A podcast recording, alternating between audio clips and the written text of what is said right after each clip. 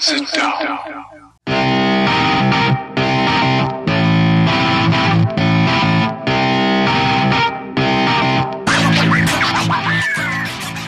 Witam wszystkich i każdego z osobna. Ja jestem Robert Kochana, to jest Kochana NBA, najbardziej nieobiektywny podcast o najlepszej koszykarskiej lidze świata.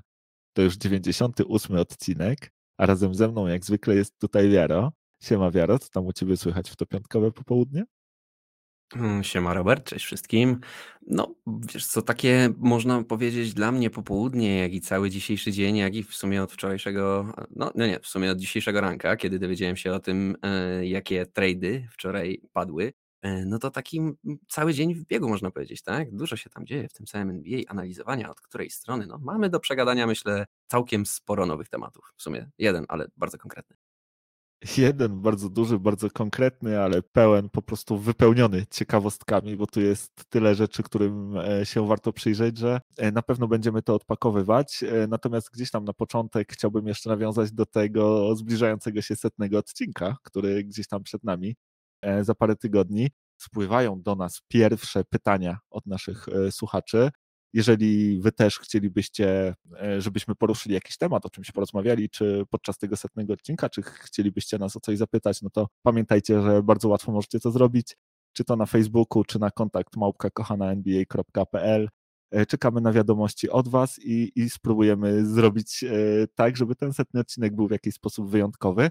No ale wróćmy do tego, co się wydarzyło tak naprawdę wczoraj, bo ja słuchaj, tutaj właśnie przygotowywałem się do dzisiejszego odcinka, próbowałem wymyślić jakieś takie ciekawe tematy. Trochę z tym była posłucha, gdzieś tam już brzytwy się łapałem troszkę jak ten tonący, chciałem z tobą rozmawiać nawet o Andre Millerze i, i przejęciu przez niego waszej drużyny D-ligowej. I nagle bum na moim telefonie, tak, bomba od Łodża, patrzę, o rany, Donovan Mitchell wytradowany. Czytam dalej i otwieram oczy szeroko do, ze zdumienia. Co? Gdzie? Gdzie? Do Cavaliers? Jak to? Przecież nie było w ogóle o tym mowy. Nikt się chyba do końca e, tego nie spodziewał. Wiedzieliśmy, że, że Donovan będzie wytradowany, tak? Bo były takie sygnały i, i tutaj wiadomo było, że danemu Angelowi też zależy na czasie. No ale właśnie ta destynacja, dla mnie przynajmniej e, zaskakująca. No i jak już mówiłem, jest tu bardzo, bardzo dużo do odpakowania, że aż w sumie no nie wiadomo od czego zacząć. Więc spróbujmy zacząć od tych najważniejszych szczegółów, tak? Co do tej wymiany. No i właśnie w ramach niej do drużyny Cavaliers trafił Donovan Mitchell, a do Utah Jazz, czyli w drugą stronę, powędrował Lori Markanen, Colin Sexton, który przy tej e, okazji podpisał czteroletni kontrakt wart 72 miliony dolarów. To był taki sign and trade i troszkę gdzieś tam prezent dla Colina Sextona, bo no bo właśnie on nie mógł e, liczyć na zbyt wiele ofert w tym off-seasonie, zwłaszcza po kontuzji, ale o tym pewnie będziemy też rozmawiać. Do tego Oczai Agbaji, jeśli dobrze wymawiam, jeśli nie, to przepraszam, ale nie jest e, to proste imię i nazwisko, czyli 14 pik z tegorocznego draftu, tak, z pierwszej rundy draftu wybrany właśnie przez Cleveland Cavaliers. E, no i do tego aż trzy zupełnie unprotected, czyli niechronione pierwszorundowe piki z lat 25, 27 i 29 oraz dwa również niechronione PIK-swapy z lat 26-28. No i tak mniej więcej prezentuje się e, cała ta wymiana. No i zanim przejdziemy gdzieś tam właśnie do tych kolejnych szczegółów, o, o których już gdzieś tam troszkę wspominałem, no to jestem ciekaw, jak ona Ci się podoba i jakbyś mógł takie swoje ogólne zdanie na, na jej temat e, wyrazić teraz. Wiesz co, powiem tak. Yy, podoba mi się to pod tym kątem, że ja jako kibic Denver Nuggets wiem doskonale, jak to jest być taką drużyną, kibicować takiej drużynie, z którą nikt specjalnie się nie liczy i do której wolni agenci nie chcą przychodzić, choćby no nie wiadomo, co byś im proponował, tak? Mm, musisz no naprawdę fantastyczne warunki przedstawić i, i, i świetną drużynę zbudować, żeby jakiś wolny agent zerknął w twoją stronę. No i myślę, że też taką drużyną jest Cleveland Cavaliers podobnie jak Denver Nuggets, niespecjalnie wolni agenci chcą tam przechodzić. Więc wiesz, z ich perspektywy, pod tym kątem, jak, jak mi jakby perspektywa bardzo bliska, potrafię się w tych butach łatwo postawić. E, no to jest fajne, że jesteś w stanie dorwać młodą gwiazdę na długim kontrakcie w miarę przynajmniej, e, przynajmniej na kilka lat. E, no i jest duża szansa na to, że fajną drużynę dzięki temu wybudujesz, no bo w Cleveland, wiadomo, młoda ekipa, perspektywiczna, więc tak ogólnie yy, zaskakująca. Yy, no ale wiesz, takie drużyny jak y, Cleveland no muszą w ten sposób y, działać, tak? No bo inaczej jest bardzo trudno, tak? Przez wolnych agentów, czy po prostu w drafcie trafiać dobrych zawodników. No jak jesteś też całkiem niezłą drużyną, no to w tym drafcie raczej wysokich pików nie masz, a wybrać y, MVP w drugiej rundzie, no to łatwe nie jest, tak? Mm, czy, czy generalnie jakiegokolwiek All-Stara. Więc bardzo jakby takie, no z jednej strony zaskakujące, nikt się pewnie po Cleveland nie spodziewał, no ale z drugiej strony właśnie takie drużyny w ten sposób y, grać powinny, y, więc y, pod tym kątem jako tak bardzo, bardzo ten trade mi się podoba. No a myślę, że tak po kolei już w szczegółach, jak to wygląda z poszczególnych perspektyw, to sobie pogadamy dalej, nie? No tak, tak, tak, dokładnie. Za chwilkę gdzieś tam będziemy odpakowywać poszczególne strony tej właśnie wymiany. Ja tylko chciałem zwrócić uwagę na jedno twoje celne spostrzeżenie, bo rzeczywiście jest tak, że dla Cleveland Cavaliers ta, ten okres wymian, czy, czy te trady, to jest trochę substytut free agency, tak? Oni nie mogą liczyć na podpisywanie tych kluczowych wolnych agentów za bardzo, dlatego właśnie starają się sprowadzać te, te gwiazdy do siebie w ten sposób, no bo innej e, drogi nie ma. Natomiast jeżeli chodzi o samego trade'a, moje ogólne spostrzeżenie jest takie, że ten trade jest dobry dla obu stron, ale tylko dobry. Że tutaj patrząc ze, ze strony Utah gdzieś e, to, co zrobił Danny Ainge wysyłając e, Rudiego Goberta do, do Minnesoty ustanowiło pewne standardy i wydaje mi się, że tutaj nie osiągnął tak, tak dobrej ceny jak za Rudiego Goberta, mimo że Donovan Mitchell wydawałoby się był troszkę większą gwiazdą, był troszkę lepszym zawodnikiem, no ale jednak mimo wszystko osiągnął swoje, Danny Ainge. Natomiast e, jeżeli chodzi o Cleveland Cavaliers, no to tutaj jakby no, to jest drużyna, która jednak w poprzednim sezonie przecież 44 mecze wygrała i wzmocniła swój skład. Natomiast właśnie wzmocniła go gwiazdą, ale gwiazdą, słuchaj, na pewno nie najwyższego formatu, ale też gwiazdą podobną do zawodnika, którego gdzieś tam mieli wcześniej u siebie, bo ja widzę trochę Donowana Michela jako takiego o klasę lepszego Colina Sextona, tak? To są podobni zawodnicy, jeżeli chodzi o grę, i też podobni zawodnicy, jeżeli chodzi o warunki fizyczne.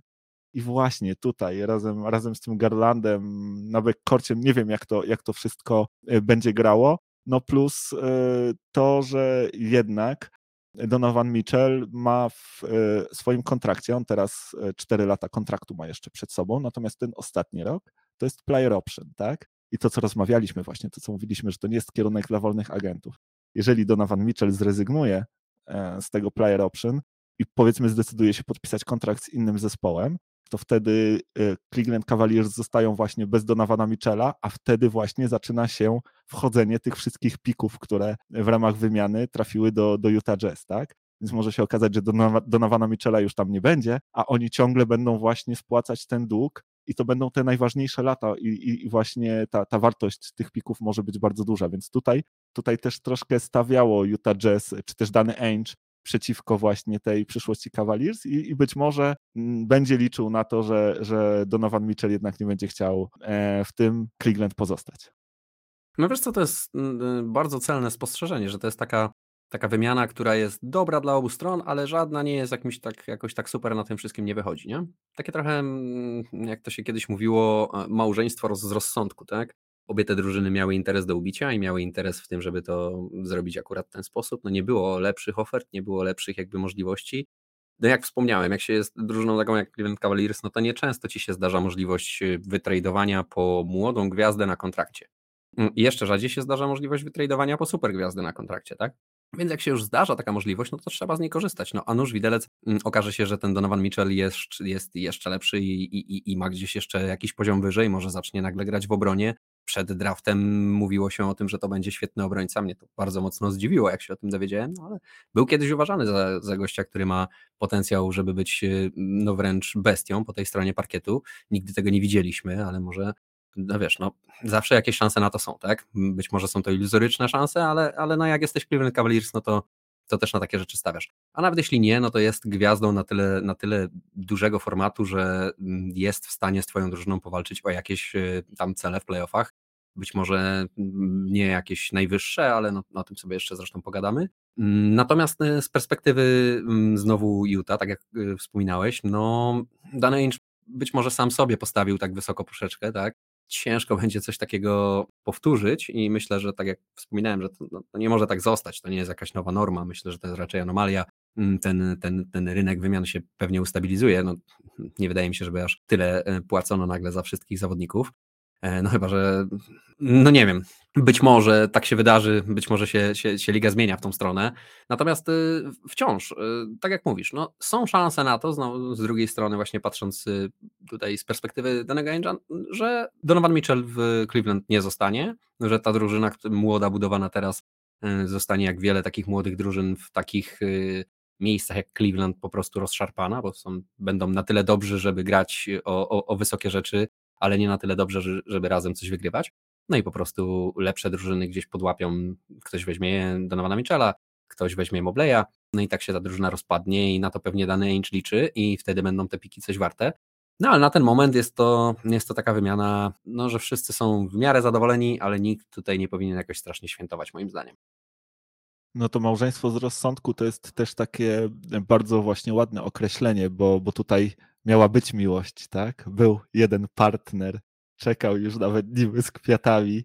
E, I, i, i tutaj miało być wielkie uczucie, tak? Z, z jednej i z drugiej miasta, strony, tak? tak? Donovan Mitchell przecież właśnie z wielkiego miasta, czy też z okolic jego pochodzi i, i tutaj e, miało być właśnie piękne połączenie i mariaż na lata i wreszcie odwrócenie swojego losu i, i nowe piękne życie. No ostatecznie właśnie nic z tego nie wyszło, będziemy o tym potem gadać. No i właśnie, to małżeństwo z rozsądku, jak to, jak to ładnie ująłeś, rzeczywiście to tak troszkę wygląda. I to, co mówiliśmy o tym, że, że dany Ainge stawia tutaj przeciwko tej właśnie przyszłości Cavaliers, przeciwko Donovanowi Mitchellowi, to nie jest też takie nierozsądne, bo, bo tutaj też mogą być takie problemy natury kontraktowej, bo bo może się okazać, że Cavaliers będą mieć problemy z zaproponowaniem rookie extension Mobleyowi, tak? Bo masz tylko ograniczoną ilość tych e, maksymalnych rookie extensions. No i tutaj mamy Garlanda, tak? Donowana Michela, który ciągle jakby na niej e, jest i, i tutaj jeszcze Ivan Mobley w, w to wchodzi e, za parę lat, więc okazuje się, że to może być no, naprawdę trudne. Z tego co kojarzę, nie będą w stanie Cavaliers zaproponować wtedy Mobleyowi, kiedy będzie mógł dostać tą propozycję Rookie Extension, mógłby, czyli w 2024 roku, nie będą mu mogli zaproponować pięcioletniego przedłużenia. Podobno będą mogli zaproponować czteroletnie, albo właśnie będą musieli zrobić jakąś taką dżentelmeńską umowę i gdzieś poczekać do zakończenia tego rookie kontraktu i w ramach tego restricted free agency wtedy z nim podpisać pięcioletni kontrakt. Tam na pewno będą się działy ciekawe rzeczy i przed Cleveland będą też ciekawe decyzje.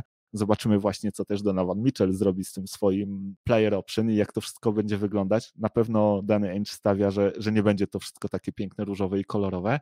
No ale właśnie, porozmawiajmy też teraz o tej teraźniejszości, która właśnie przed Cleveland, bo ten skład zapowiada się, no, można powiedzieć, e, bardzo ciekawie, tak? Oni już teraz w drużynie, łącznie z Donovanem Mitchellem, mają trzech All-Starów niby, bo to tacy All-Starzy, że w sumie jakbyś mi powiedział, że żaden z nich już nigdy nie zostanie All-Starem, no to może oprócz Donovana Michela bym był w stanie w to uwierzyć.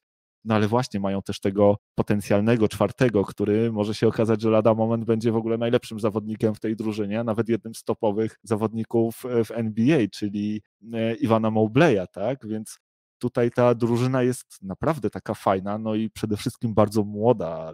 Najstarszy z tej czwórki, czyli Donovan Mitchell, ma 25 lat teraz, tak?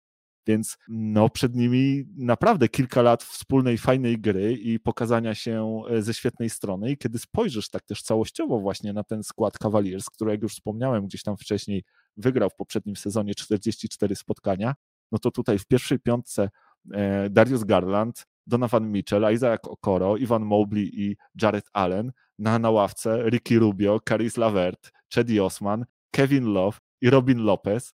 Kevin Love to w ogóle e, przeżywa chyba renesans e, swojej kariery w tym momencie, bo on już miał być tym kontraktem, którego nikt nie chce, którego chcieli wykupywać i okazuje się nagle, że jest super przydatny i że będzie super przydatny i że może być dynamem e, tej ofensywy. Powiem Ci szczerze, że tak naprawdę to chyba tylko Lebrona tutaj brakuje, zamiast tego Isaaca Okoro na, na small forwardzie. A co ciekawe, Cavaliers też zostawili sobie furtkę, no bo mają w swoich mają gdzieś tam e, w swoim posiadaniu pik z 2024 roku, tak? Kiedy broni powinien dołączyć do ligi. Zresztą LeBron już coś tam zaczął cmokać na Twitterze z zachwytu nad, nad tym tradem, więc może się okazać, że będzie ta końcówka kariery w Cleveland. No powiem ci, super, to jest dla mnie ciekawe i ta drużyna też jest dla mnie ciekawa i ona już, jak już wspomniałem, w zeszłym sezonie była na takiej fali wznoszącej, a teraz dodali do tego kolejny ważny element i zapowiada się to super ciekawie. No i właśnie jestem ciekaw, jak Twoim zdaniem to wygląda, na co stać teraz drużynę Cavaliers, no i gdzie skończą w tym roku na wschodzie. No i tutaj tak naprawdę dochodzimy do tego największego, mm, można powiedzieć, do sedna tej całej sprawy, a mianowicie tego, że kurde, to tak naprawdę niewiele zmienia, no. E, Okej, okay, masz jakby 100% racji we wszystkim, co mówisz. Taka fajna drużyna w ogóle, jak sobie na to patrzysz, na to na papierze, jak to wszystko będzie grało i tak dalej, a potem sobie przypominasz o tym, że na tej, w tej całej konferencji wschodniej to gra jeszcze Boston Celtics, gra Milwaukee Bucks i nie wiem, Philadelphia, Brooklynu już nie liczę, nie? No ale choćby te trzy drużyny. I jakbym chciał, to nie widzę, żeby, żeby po prostu Cleveland miało przeskoczyć jakkolwiek tą trójkę. Te trzy drużyny to jest jednak jakość, której się spodziewam, którą widziałem już nieraz. To nie jest nic, co wygląda fajnie na papierze, to nie jest nic, gdzie mówię o jakimkolwiek potencjale i innych tego typu rzeczach, a też w tych drużynach jest tego trochę i też możesz sobie popatrzeć na takich zawodników jak, nie wiem, Tyrese Maxi, po którym też się pewnie spodziewamy dużych rzeczy w tym sezonie. Więc wiesz, wszystkie drużyny się gdzieś tam też na wschodzie yy, patrzą na siebie, wzmacniają, szczególnie ta czołówka. No Brooklyn jest w totalnej rozsypce, więc być może to będzie jakaś, jakieś miejsce, ale no no nie wiem, czy takim na, naprawdę najlepszym scenariuszem dla Cleveland w tym sezonie to nie jest to czwarte miejsce na wschodzie, nie?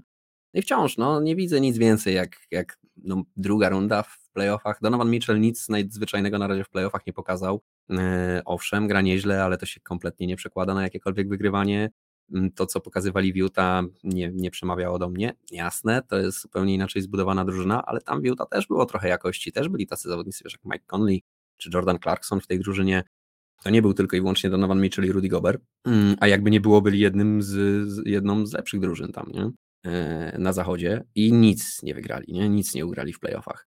Zobaczymy, jak to się wszystko będzie przekładało, ale ja się właśnie boję tego, że, że mimo tych wszystkich zmian, które popieram też, bo one są, jakby, jak mówimy tylko i wyłącznie o teraźniejszości, o tym najbliższym, zbliżającym się do nas sezonie, no to niewiele to może zmienić. To jest bardzo dobry trade też dla Cavaliers pod kątem przyszłości. E, to wszystko, co wspomniałeś, te już naprawdę różne, różne ciekawe smaczki, włącznie z tym smaczkiem Lebrona tutaj są. I ja też absolutnie tego nie wykluczam. Widzę taki scenariusz, gdzie LeBron razem z Bronim tutaj do tej drużyny gdzieś e, dołączy. A no jakby LeBron do tej ekipy dołączył, no to, to naprawdę będzie bardzo, nawet taki wiesz, 40-letni już LeBron, to to będzie bardzo, bardzo trudna ekipa do ogrania.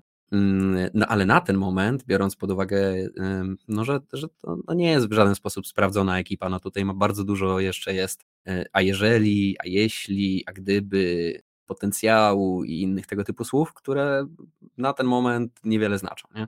Dla mnie optymistyczny scenariusz to jest to, to czwarte miejsce e, na wschodzie i druga runda w playoffach. Nie? I myślę, że to by był successful season też dla nich. Nie? Myślę, że tak jak na pierwszy sezon razem mm, pod kątem właśnie tego, jak młoda to jest też ekipa i jak y, fajną przyszłość mają przed sobą, to myślę, że to jest y, coś, z czego mogliby być mocno zadowoleni. Y, no i myślę, że to jest ich sufit. Nie? Stary, pełna zgoda. Pełna zgoda. Dokładnie tak to samo widzę. Słowo, w zasadzie w słowo mm, mógłbym powiedzieć e, to samo. Też myślę, że czwarte miejsce to jest e, ten sufit, jeżeli wszystko jakby pójdzie dobrze, jeżeli wszyscy będą zdrowi.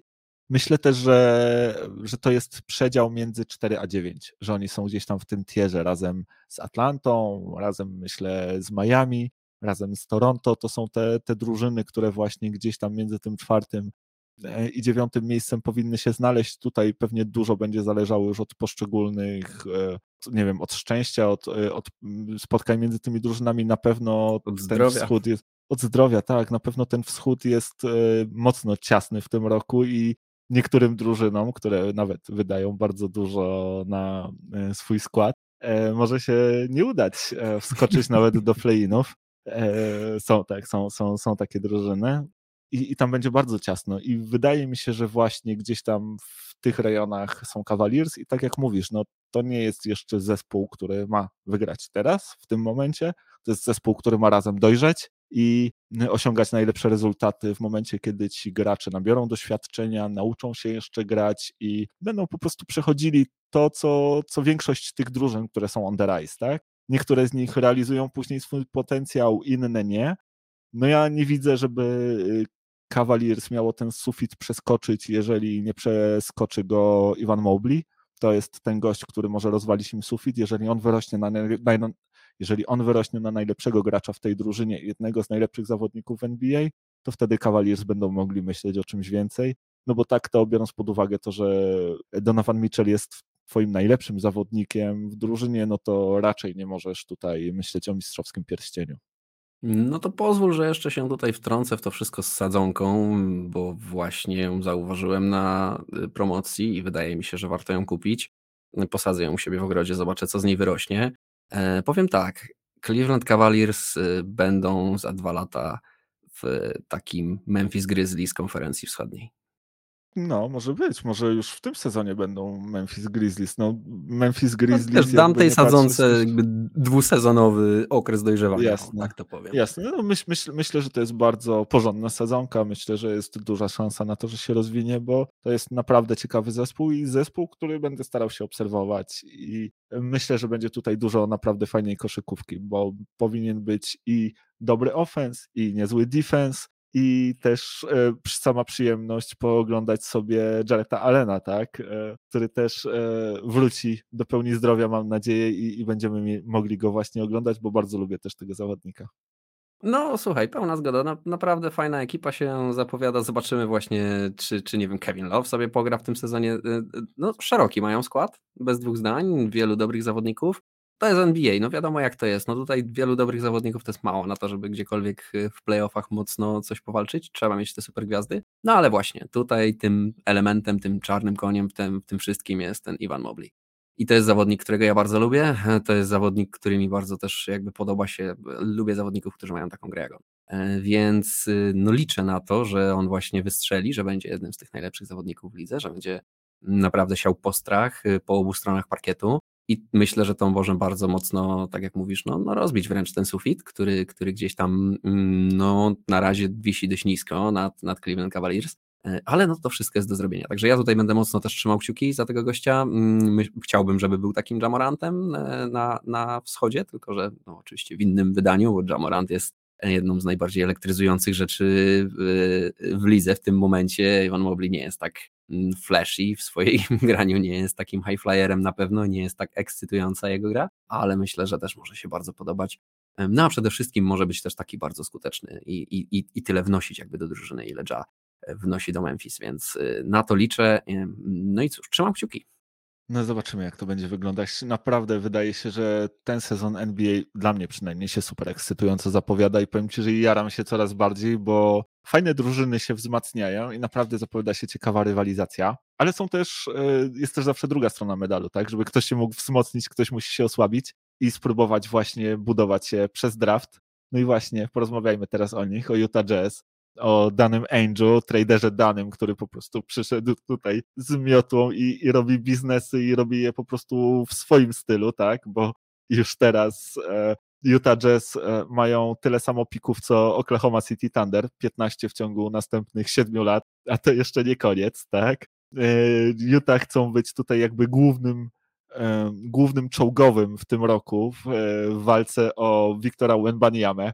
Dany ten czołg już zakupił, już ten czołg ma, teraz się musi z tego czołgu tylko pozbyć czterech pancernych i psa, bo to jeszcze nie koniec właśnie, bo, bo w Cleveland zostali przecież jeszcze Markanen, Sexton, Conley, Bogdanowicz i Clarkson. I ich też trzeba przecież będzie wytradować, bo to goście, którzy przez przypadek mogą spróbować wygrać ci mecz, więc e, na pewno zdecydowanie trzeba się ich pozbyć. No i właśnie pewnie będzie jeszcze dany tutaj tradeował, więc myślę, że te 15 pików pierwszorundowych to nie koniec, że dany coś jeszcze tutaj wyciągnie.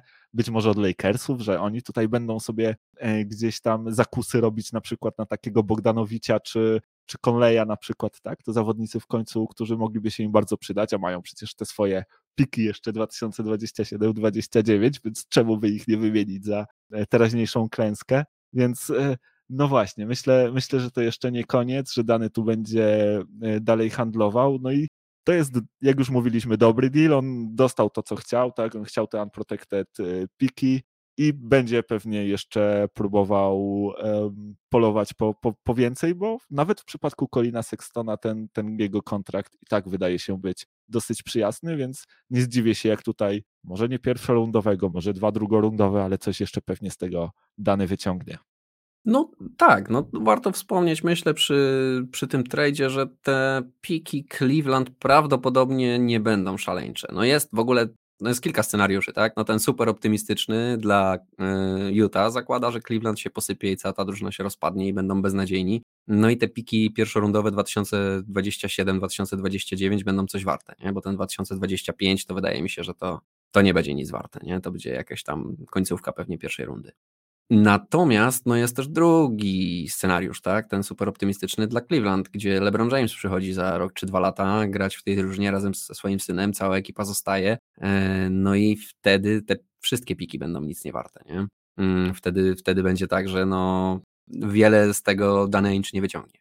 No ale z drugiej strony, patrząc na to, jakby co on chce robić i jaki jest plan, no to słuchaj, no, no przyjechał Dany do, mm, do Salt Lake City, wjechał na stadion, wziął wszystkich, zapakował na ciężarówkę, wystawił przed stadionem, napisał wyprzedaż nad tym. No i, no i taki ma plan, nie? No i tak jak wspominasz, no już gdzieś mają tyle pików co Oklahoma City. Fakt, piki pikom nierówne, zobaczymy kto tak naprawdę na tym lepiej wyjdzie. Mm, no wielka loteria będzie w tym roku to będzie tak naprawdę decydujący rok w dużej mierze o przyszłości Utah, bo jeżeli wylosują Wiktora Wanbaniamę, a on jest chociaż w połowie tak dobry, jak wszyscy mówią, że on jest dobry, to będzie game changer dla nich, nie? To będzie zawodnik, wokół którego będą mogli budować swoją całkowicie nową tożsamość, nie? A mając tyle jeszcze pików mm, do tego, no to będą mogli naprawdę dość szybko tą drużynę zbudować, nie? No bo te, które będą szybko piki, no to będą mogli powybierać e, fajnych kolegów dla niego, mm, a te, które będą gdzieś odległe, no to będą mogli powymieniać ze zawodników, którzy uzupełnią skład, nie? Więc y, to jest na pewno dobra taktyka, na pewno tak to należy robić. Tutaj pretensji absolutnie do, do danego range'a mieć nie można. No, oczywiście mógł zgarnąć więcej, nie są to jakieś szaleńcze piki, pewnie gdyby to były trzy first round piki od Nowego Jorku, y, też unprotected, to byłyby dużo więcej warte niż, niż te z Cleveland, no ale cóż, no tak, tak, taki był rynek, a jak mówię, no dany Inch y, wymienia wszystko, co może i wyprzedaje wszystkich zawodników, bo on nie zamierza w tym sezonie wygrać ani pół meczu, jeżeli by tylko się dało, bo to jest bez sensu, bo w tym sezonie jest wielka, wielka nagroda do wygrania w drafcie. No i myślę, że taki jest plan, tak? All in po prostu. Słuchaj, no ja jako człowiek, który gdzieś ma w sobie żółkę hazardzisty, no to zdecydowanie no, no szanuję ten ruch. No nie mogę, nie mogę powiedzieć inaczej, tak? No, ja też bym tak zrobił na miejscu danego Incha. E, także dla mnie w pełni zrozumiała cała decyzja. Mm, jak to się wszystko skończy i ile tak naprawdę z tego Utah wyciągnie, e, no to przyszłość pokaże, no to jest loteria, nie? No ale wiadomo, im więcej losów na loterii, tym lepiej. No powiem Ci, że Utah w tym sezonie nie będzie łatwo, bo w tym wyścigu czołgów już teraz wiemy, że się kilku kandydatów chce ustawić. Ostatnio rozmawialiśmy o KC, tak, że pewnie w przypadku kontuzji Cheta Holmgrena będą jednak chcieli powalczyć też o tego Wenbaniamę, albo przynajmniej Skuta Hendersona, bo to podobno jest w ogóle bardzo dobry draft, tak, nie sam e, Wenbaniama, który my tak mówimy wszyscy, że on jest tą wielką nagrodą główną, ale w ogóle cały ten top tego draftu jest podobno bardzo dobrej jakości więc tutaj na pewno warto walczyć o te losy, no ale właśnie, chętnych jest wielu, jest jeszcze przecież San Antonio Spurs, którzy chyba też mają ochotę być tą jedną z najgorszych drużyn w lidze, więc już na samym sezonie, więc już na samym zachodzie tutaj te miejsca, ta, ta rywalizacja właśnie o to. A, jeszcze Houston jest. No tak, tak, tak, więc tutaj tak jak będzie fajnie wyglądał wyścig na górze, tak będzie kiepsko wyglądał ten wyścig na dole, o to kto po prostu kto sobie bardziej wybije zęby od dno, tak? I, i, i, kto jakby zanurkuje jeszcze niżej, po, po, poniżej powierzchni tego dna. Mówisz, że będziemy obserwować, kto więcej mułu wykopie z dna, tak? No, tak się to zapowiada. Yy, no, sezon, wspominałeś to już, nie? Że fantastyczny sezon nam się zapowiada, mega ekscytujący i na wschodzie, i na zachodzie. No okej, okay, Utah nam wypadło z tego całego wyścigu, ale oprócz Utah, no to, to wszyscy będą pewnie, no, no świetny sezon się zapowiada. Clippers wracają, Denver wraca, będzie ostra walka o wszystkie miejsca w playoffach. Na wschodzie dokładnie to samo. No i zobacz, no i będziemy się też ekscytować tym, co się dzieje na dole, tak? E, zobaczymy, kto się, kto się głębiej w muł wkopie, kto głębszego dna sięgnie w tym sezonie. Zobaczymy też, jak brzydkie to będzie i jak y, bardzo mocno będzie zamierzał na to zareagować komisarz. No bo umówmy się, że to nie jest nie w smak e, lidze i dobrze o tym wiemy, a w tym sezonie jest to już tak otwarte i tak oczywiste, no że słuchaj, no już zupełnie normalnie o tym dyskutujemy, jakby to była codzienność, nie? No tak, tak, tak, zdecydowanie, bo to jest codzienność, tak? No ale słuchaj, jak już jesteśmy przy tym, co na dole i na tym dnie, to porozmawiajmy może trochę o Nixach, bo ja nie na darmo powiedziałem, że ten trade jest sporą niespodzianką, no bo według tego, co mogliśmy słyszeć, czytać, oglądać, to Donovan Mitchell miał raczej trafić do New York Knicks, tak? Tutaj jednak o nich się e, mówiło i to oni zasadzali się na Donovana Mitchella już od trzech lat podobno robiąc jakby dużo, żeby przekonać go właśnie do tego, żeby dołączył do tego zespołu. Zresztą nie trzeba było też tak długo przekonywać, bo podobno w donawanie Michellu ogromna miłość też do Nowego Jorku, no i właśnie ta chęć e, bycia tym zbawcą tej nieszczęsnej franczyzy, zbawcą e, Knicksów. Ostatecznie nic z tego nie wyszło no to jest bardzo ciekawe, jak ta sprawa gdzieś tam się układała właśnie na, na przestrzeni tych ostatnich dni, bo tutaj się naprawdę jakby sporo wydarzyło, zwłaszcza no jak mówię, Nixi przygotowywali się do tego momentu od trzech lat i na tej ostatniej prostej zawalili, może nie zawalili, to, to pewnie już e,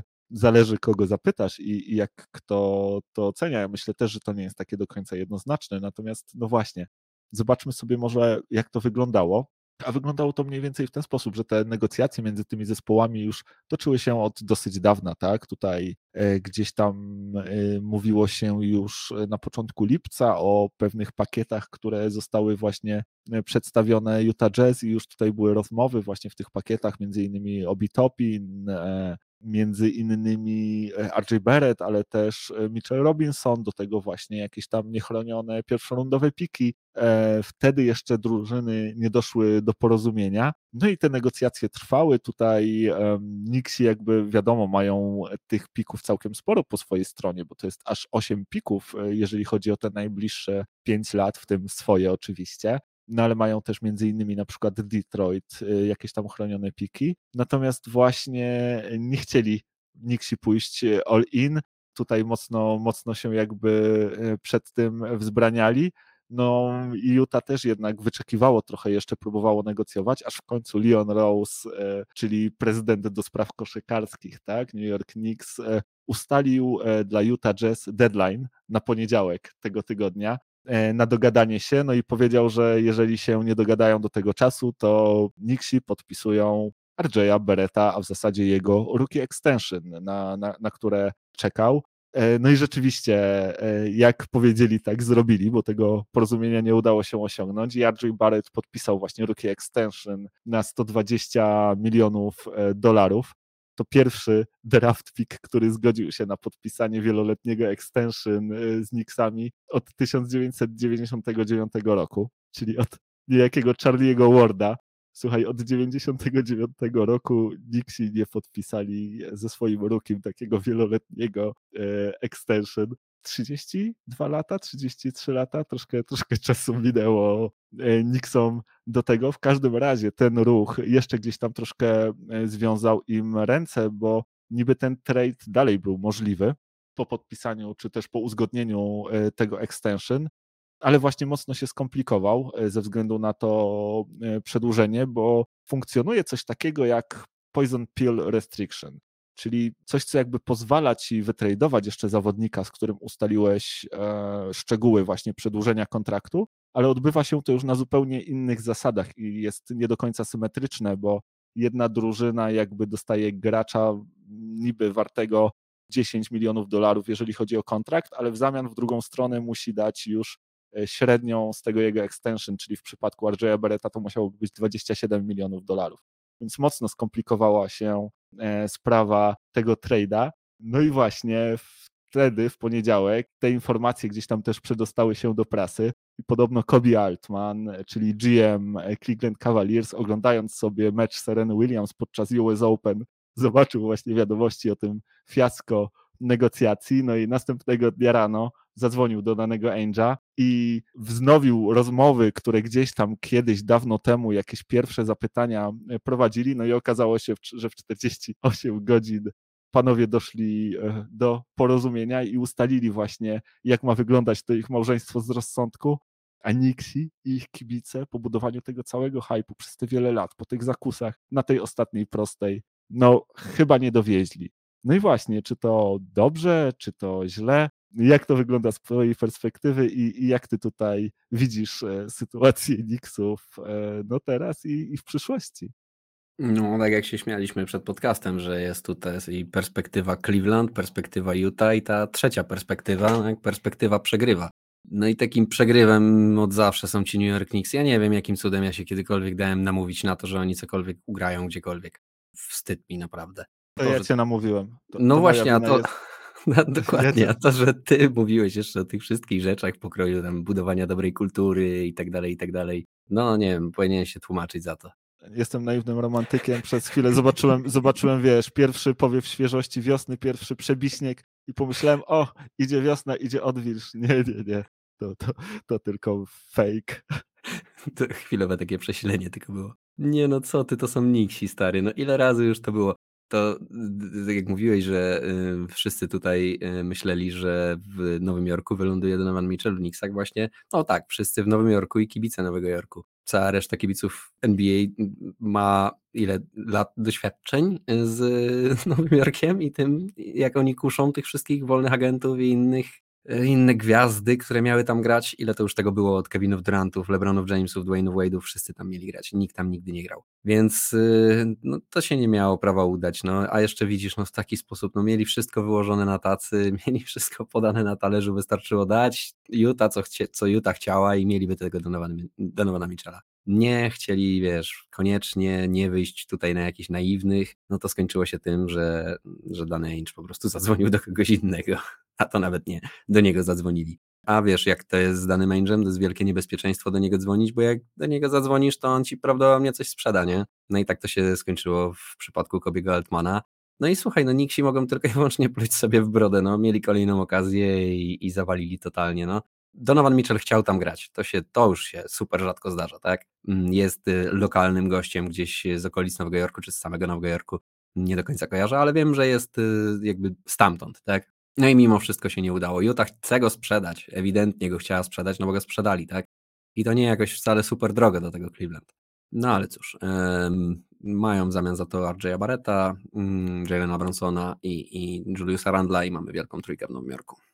No, można tak powiedzieć. Ty wspomniałeś o tej perspektywie przegrywa. Mi się, a mi się przypomniała jeszcze jedna postać gdzieś tam z naszych rozmów, którą sobie kiedyś wymyśliliśmy, mianowicie król Sadim. Dla wyjaśnienia, król Sadim to totalne przeciwieństwo króla Midasa, tak? Tutaj też dlatego jest to jakby imię czytane od, od tyłu. I kiedy król Midas czegoś dotknął, to zmieniało się w złoto, a z królem Sadimem jest tak, że czego on nie dotknie, to zmienia się w guano. I Nixi są trochę taką przynajmniej no, przez te ostatnie wiele, wiele lat y, wersją króla Sadima troszkę, no bo naprawdę nic im nie, nie potrafi do końca wyjść, nawet kiedy sprowadzają do siebie gwiazdę taką jak Carmelo Anthony, no to dają za niego wszystko i Carmelo Anthony nie ma z kim grać i tylko się frustruje i potem chce stamtąd odchodzić, więc nawet jak robią coś dobrze, to ostatecznie nie wychodzi to zbyt dobrze. No i właśnie, ciekaw jestem, jak to będzie wyglądało w tym roku też, bo jest to drużyna, która ma duże płace, a małe szanse, tak? Mówiliśmy o tym, jak bardzo równy jest ten wschód, jak bardzo jest mocny ten wschód, coraz mocniejszy i jak tam będzie ciężko walczyć o playoffy. Ja tutaj wspomniałem, że jest dziewięć drużyn, które właśnie o tych playoffach myślą i jeżeli któraś z nich e, się do nich nie dostanie, to będzie niezadowolona. W tym gronie nie ma Nixów, tak? Oni są niżej, a mimo to te ich płace są naprawdę porządne. Tam trzeba pamiętać o tym, że oni trzem zawodnikom za sezon płacą około 85 milionów dolarów, tak? Za trójkę Bronson, Randall, Barrett będą, będą tyle właśnie płacić, więc to są ogromne sumy, a perspektyw na przyszłość mm, no nie ma zbyt dużych i nie wygląda to za dobrze. Natomiast no, będąc gdzieś tam jeszcze trochę fair i próbując tutaj znowu spojrzeć na, na Nixów przychylnym okiem, bo ja, ja, się do tego przyznaję. Nixi mają miejsce w moim sercu. To jest organizacja, której, którą ja naprawdę lubię. Y, lubię gdzieś tam od zawsze, jak kibicuję NBA gdzieś tam no, chcę być z nimi. Zresztą wiesz, jak, jak, jesteś kibicem Clippers, to też nie możesz wybrzydzać, tak? Ja tutaj, e, ja tutaj wcale nie przychodzę z lepszego podwórka, tak? Binder Dandet, jak, jak, jak to się mówi. I ten brak tego zakontraktowania Donowana Michela wcale nie musi być taki do końca zły, bo ja myślę, że ten Donovan Mitchell wcale aż tak dużo w tych Knicksach by nie zmieniał, tak? Że jego partnerstwo e, z Jalenem e, Bronsonem to też jest właśnie taki duet gości, z których żaden nie broni, tak? Bo ty wspomniałeś o tym, że Donovan Mitchell bronił rzeczywiście w koledżu, wtedy kiedy grał jeszcze w Louisville. Podobno, ja tak tylko czytałem. No słuchaj, no też tak czytałem i czytałem e, o nim takie rzeczy, że wydawało się właśnie, dlatego się trochę o Daviona Mitchella boję, tak? Bo o nim też się właśnie tego typu e, rzeczy były mówione, a też, e, żeby Davion Mitchell też nie poszedł tą drogą, że skupi się wyłącznie na tej ofensywnej części, no bo jednak w NBA płaci się zawodnikom, którzy zdobywają punkty, a nie tym, którzy bronią, e, więc troszkę się boję, że, że pójdzie tą drogą, natomiast no rzeczywiście było tak podobno, że, że w tym koledżu był bestią w defensywie, natomiast no właśnie potem przestał zupełnie przykładać się do tej defensywnej gry, bo ja myślę, że to nie jest też kwestia umiejętności czy rozmiaru, to jest bardziej kwestia efortu, że tutaj jest dużo większy nacisk położony jednak na to, żeby dawać siebie energię po tej atakującej stronie parkietu. No i właśnie, wydaje mi się, że z Bronsonem oni tam po prostu byliby wożeni strasznie. Do tego ta drużyna wcale nie jest jakaś szczególnie mocna. Jeżeli właśnie jeszcze w ramach trade'u wyjąć z niej takie główne zęby, to Donovan Mitchell by się w tym Nowym Jorku tylko frustrował, a Nowy Jork właśnie być może nie byłby w stanie ściągnąć dodatkowej pomocy Donovanowi Mitchellowi. Zresztą oni dlatego tak tutaj sępili tych swoich draft pików w tej wymianie, dlatego gdzieś tam nie rzucili tego wszystkiego, tych wszystkich swoich, że tak powiem, żetonów na, na środek stołu i nie zagrali all in, dlatego że planowali tutaj jakby jeszcze kolejne wymiany i potrzebowali właśnie tych pozostałych pików do tego, żeby spróbować jeszcze tutaj do Donowana Michela e, kogoś ściągnąć, więc starali się właśnie tutaj grać mądrze. Nie jestem pewien, czy z tym Donovanem Michelem rzeczywiście coś zaczęliby znaczyć, czy nie, nie wydaje mi się. Raczej wydaje mi się, że ok, to by było kilka wygranych więcej w sezonie, ale, ale pewnie też ciężko by się było przebić przez drugą rundę. Wydaje mi się, że dużo lepszą drużyną e, jest, są Cavaliers z Donovanem Mitchellem niż byliby Knicksi z Donovanem Mitchellem, tak? No a dla Knicksów, no właśnie, może to jest okazja do tego, żeby się budować przez draft. Mają wszystkie swoje piki, mają te piki też innych drużyn. Może uda się tutaj coś, coś, coś, coś, coś, no słuchaj, jak już rozmawialiśmy dzisiaj, jak chcesz coś zrobić dobrze, to musisz za to słono zapłacić, tak? I e, nikt się tutaj też pewnie e, w tym konkursie czołgowym na wschodzie wystartują, może nie z wyboru, może z przymusu, bo zostaną po prostu wypchnięci za tą stawkę, za ten peleton, który będzie się bił o zwycięstwo we wschodniej konferencji, no ale właśnie ostatecznie raczej stawiałbym na to, że, że to będzie jednak mocna loteria. No słuchaj, no ciężko się z tobą nie zgodzić, natomiast wiesz, to dochodzi trochę do takiej absurdalnej sytuacji, że ponieważ Niksi zrobili trzy głupie ruchy, to nie mogą wykonać czwartego, który jest mądrym ruchem, bo umówmy się, z całej czwórki zawodników Randall, Bronson, RJ Barrett, Donovan Mitchell, to chciałbyś mieć Donovana Mitchella, tą pozostałą trójkę to może niekoniecznie, nie? No ale cóż, w nieodpowiedniej kolejności widzisz, te decyzje są w Nowym Jorku podejmowane. E, no i trzy głupie decyzje sprawiają, że nie można podjąć tej czwartej, nawet jeżeli jest mądra. No bo tak jak mówisz, no ona do niczego by nie prowadziła, tak? Ponieważ masz już trzech takich zawodników podpisanych, to ja nie wiem, jaki teraz jest plan, nie? To, nie rozumiem tego, co tam się dzieje e, w tym zespole. No ale mają trochę związane ręce, no bo ciężko się nie zgodzić z, z tym, co powiedziałeś, jak wspomniałem. No wszystko prawda. No, Donovan Mitchell wiele by tutaj nie zmienił tym zespole. Zdecydowanie ja też bardziej się cieszę, że, że poszedł do Cleveland Cavaliers. Mimo, że Nowy Jork jest też bliski mojemu sercu, bo ja pamiętam, jak lata temu grywaliśmy w NBA 2K i jak robiliśmy swojego zawodnika razem siedząc y, przy jednym padzie, to chcieliśmy bardzo często, żeby w Nowym Jorku grał. Nie? No ale co z tego? No widzisz, no sympatia sympatią, a Nowy Jork Nowym Jorkiem. No tak to już jest od wielu, wielu, wielu lat. Przelicytowali troszkę, tak mi się przynajmniej wydaje. No i cóż, no i, no i mają to, co mają. Natomiast to jest, jak mówię, moje zdanie, a ja jestem też bardzo ciekaw waszego zdania na, na temat tego trade'a. Dawajcie nam znać na kontakt małpka.kochane.nba.pl albo na Facebooku. Wysyłajcie do nas, co, co o tym myślicie. No i też e, pamiętajcie o tych pomysłach na następny odcinek, czy o pytaniach, jeżeli chcielibyście o coś nas zapytać, no to dawajcie e, śmiało znać. No i cóż, dziękujemy Wam bardzo, że byliście dzisiaj z nami. To już wszystko na dziś i Tobie też dziękuję, Wiaro, za tę rozmowę. No i co? No i mam nadzieję, że do usłyszenia już za tydzień. No nic dodać, nic ująć. Trzymajcie się cieplutko i do usłyszenia za tydzień. Cześć. Trzymajcie się, hej.